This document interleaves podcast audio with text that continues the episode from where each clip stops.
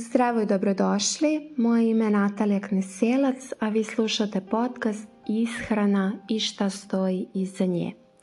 Ovo je druga epizoda serijala Šta je ono što bih poručila mlađoj verziji sebe, odnosno Nataliji od 18 godina.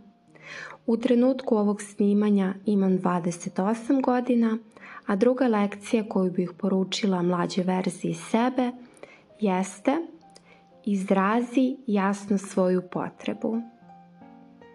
Naravno, imala sam dosta potreba, želja i očekivanja. Međutim, očekivala sam da drugi ljudi to mogu da prepoznaju, čak i kada to ne kažem direktno.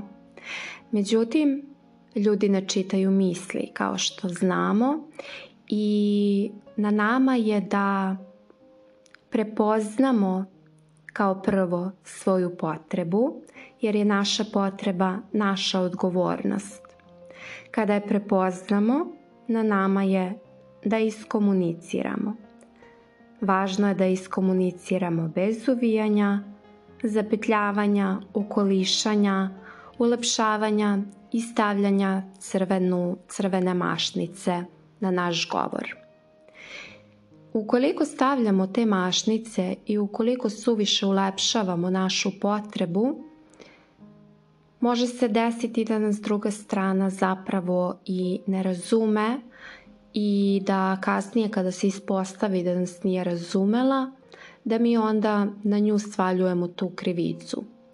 Međutim, krivica nije na, to, na toj drugoj osobi, već je na nama na nama je, zato što smo se možda stideli, da kažemo direktno i konkretno ono što želimo, zato što smo se možda plašili, zato što smo hteli da ispadnemo suviše fini, nismo hteli da povredimo tu osobu i onda smo tako malo izokola ulepšali tu našu potrebu, stavili neki paketić i onda to nije shvaćeno na način na koji je trebalo da bude shvaćeno. Kada razmislim šta je to zbog čega nisam jasno komunicirala, mislim da je to najviše strah od zanemarivanja. Strah od toga da neću biti viđena, da neću biti saslušana, da će postojati nešto preče, pa tek onda ide strah od odbijanja moje potrebe. I tek na poslednjem mestu mislim da mi se nalazi strah od podsmeha. Važno je da razmislite o ovome, da vidite zašto vi ne, komunic ne komunicirate jasno svoju potrebu, da li vi imate strah od odbijanja, zanemarivanja, odbacivanja, podrugivanja ili je nešto stot u pitanju. Dakle, to ne mora da bude ovaj redosled kao što je kod mene. Ja sam samo navela primer. Ali je za vas značajno da znate šta je ono, šta vas koči i da na tome možete da radite.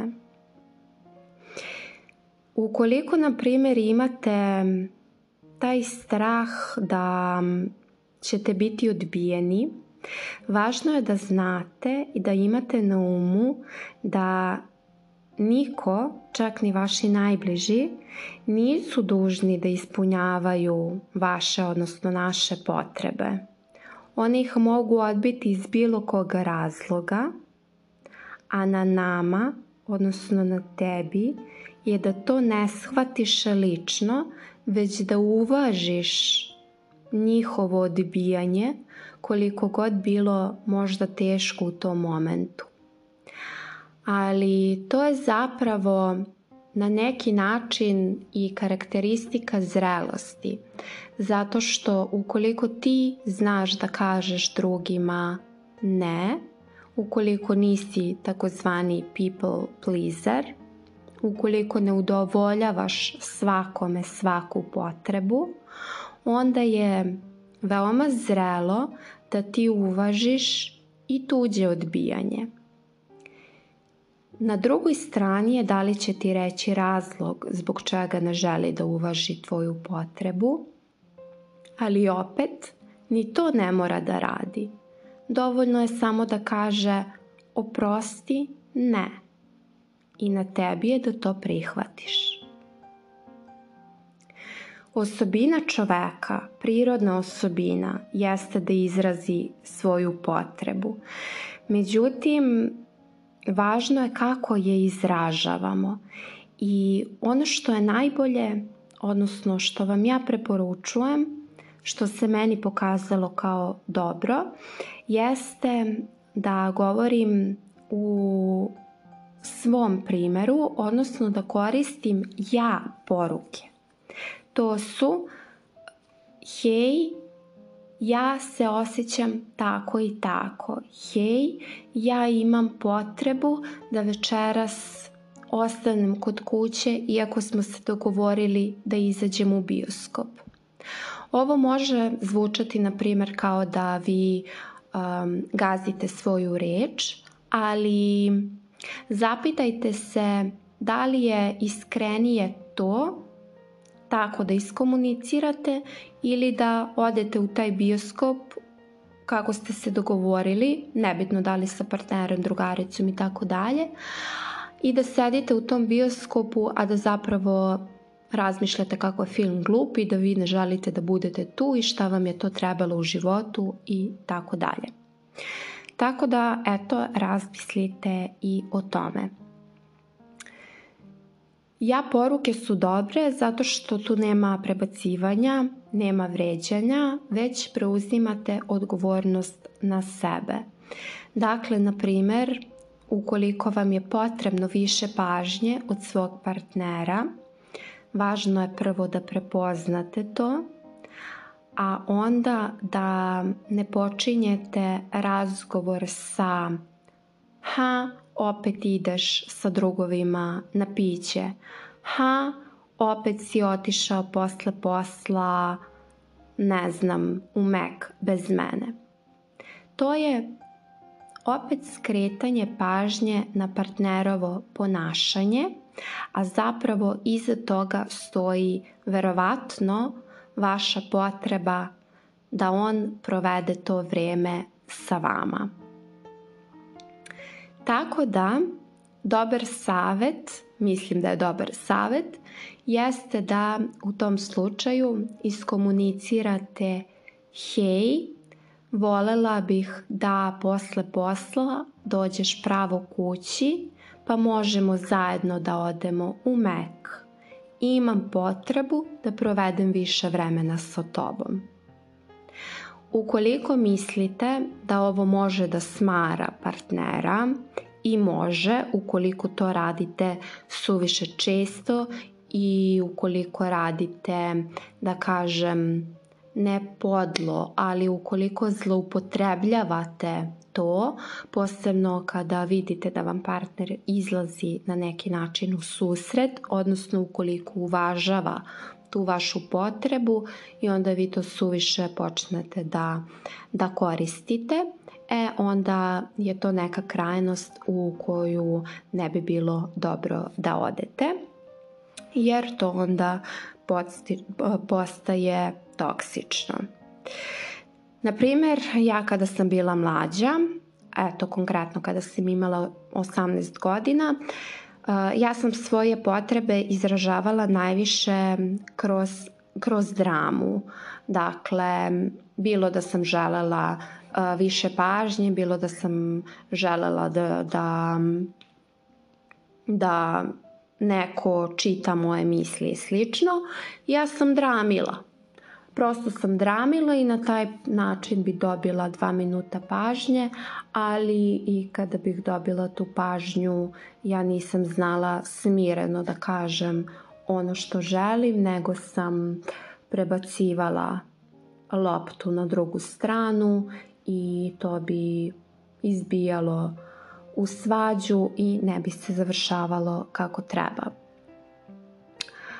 Odnosno, završilo bi se tako što bi mene na kraju grizla savest, kada bih shvatila da sam dramila, da bih dobila ono što želim i onda bih sve jedno morala da priznam da sam, nam, da sam namerno dramila zbog toga i toga i onda to džabe produžavate. Lepo dođete, kažete šta imate i budite iskreni prema sebi, a onda i prema drugoj strani.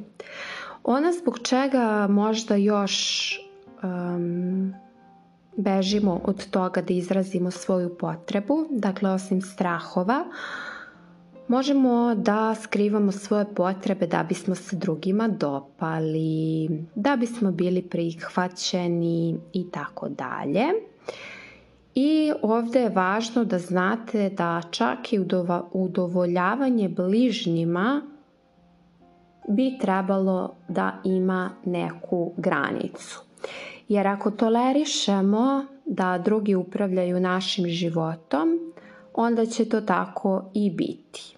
I zapravo mi tada svoje potrebe potiskujemo i vremenom nas to vodi u sve veće nezadovoljstvo, u povlačenje, u skrivanje, pa čak i u depresiju. Mi tada ne znamo ni ko smo, zato što živimo u skladu sa tuđim željama. Na primer, kako ovo možete da prepoznate? Pa ako dođete u tu situaciju da imate osjećaj da ne znate ko ste, da ne znate šta želite, pa se onda odlučujete da radite e, neke stvari koje radi neka vama draga osoba, jer, jel te, ona zna bolje. Na primer, e, ne znate koji ćete faks da upišete, pa onda upisujete ono što upisuje vaša najbolja drugarica, sestra i tako dalje. Ne znate u koji ćete kafić, pa šta ću, idem tamo gde ova druga hoće. Pa ne znam ni šta bih pila, šta bih jela, ajde uzet ću šta uzme i drugarica. Ne znam šta bih obukla, daj da vidim šta je popularno na Instagramu i slično. Dakle, ovo ne mogu da kažem da nije dobro, ali mogu da kažem da je važno da se prepozna i onda kad prepoznate vidite šta stoji iza toga i šta, sto, šta, šta stoji iza toga i šta ćete da uradite sa tim.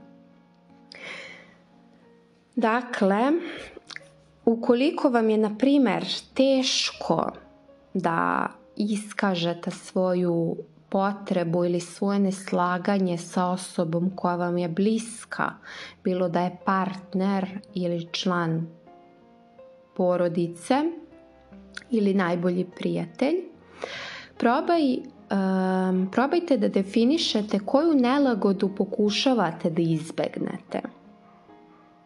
Dakle, šta je to u tebi šta te sprečava da izraziš svoju potrebu. I zapitaj se šta je tebi zapravo zaista važno. Jer ako ti je najvažnije da se dopadneš svima, znaj da to neće biti izvodljivo i ako te neko ne voli ili čak ne podnosi, uh, nije smak sveta, jer definitivno postoji neko ko te ne podnosi i evo vidiš da se nije desio smak sveta, živa si i u ostalom to nema veze sa tobom nego sa tom nekom drugom osobom. Jer ovaj podcast sada slušaju na primjer dve osobe Prva osoba je neverovatno inspirisana ovim mojim govorom, a drugu osobu neverovatno nerviram, iritiram i nije ju uopšte jasno zašto ovo sluša.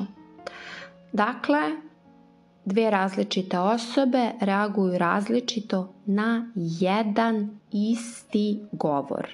Dakle, to nema veze sa mnom.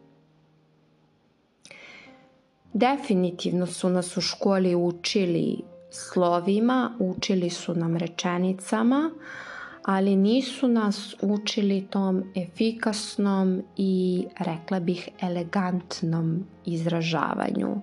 Sve se nešto stidimo, sve se nešto skrivamo, stiskamo zube, krivimo kičmu, pa imamo panja, blanja, bla, pa znaš izvini i tako dalje.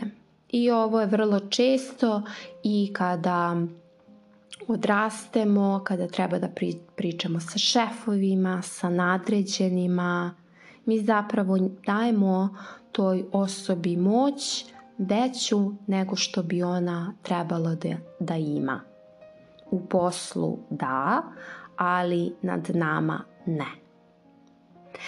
Ono što bih još dala kao savet, to je da izbegnete komunikaciju u toku emocionalnog naboja i ovo je karakteristično za partnerske odnose. Vraćam se na to da sam ja kroz dramu izražavala svoje potrebe. I ovde je jedan disclaimer, dakle nije poenta da mi nemamo emociju, nego da znamo šta ćemo sa tom emocijom. I na primer, kada osetite a, taj impuls, tu naglu želju da reagujete, pokušajte prvo da izbrojite čuveno brojanje do 10 ili izađite iz prostorije, iskulirajte 10, 15, 20 minuta, a potom se vratite. I tada odgovorite iz stanja smirenosti i to je onda to elegantno izražavanje. Pre nego što odete, znači ne okrenete se i ne zalupite vratima i ostavite partnera u frustraciji, nego mu kažete čula sam te, čula sam šta pričaš, da ovo ne bih da ovo ne bi otišlo u svađu Ja ću se sada povući na nekoliko minuta da razmislim o tvojim rečima i o svojoj potrebi i onda ću se vratiti da, nas, da nastavimo razgovor. Dakle, ovde vodite računa samo da ne odete taj utisak da vama nije važno šta je ta osoba rekla, već da vam je potreban prostor od nekih nekoliko minuta da se saberete. Kada nastavite komunikaciju, odnosno kada privedete kraju, budite sigurni da ste se razumeli, dakle da su se dve strane razumele. Ovde vas opet vraćam na svoj primer da sam ja mislila da ako nešto kažem, uvijeno u paketić, zapakovano, da se podrazumeva da je taj neko skapirao šta ja zapravo mislim. Međutim, ovde možete koristiti rečenicu da li si razumela šta misliš o ovome što sam rekla i tako dalje. I mm, gledajte da to ne zvuči uh, podrugljivo u smislu a da li si razumela, nego da to stvarno bude uvažavajuće u smislu uh, rekli ste to i to i samo da proverim da li si razumela ovo što sam rekla, da ne bi došlo do nekog nesporazuma i onda ćete čuti šta druga strana ima da kaže i da vidite da li ste se razumeli. Tu je bitno da čujete odgovor. Odgovor.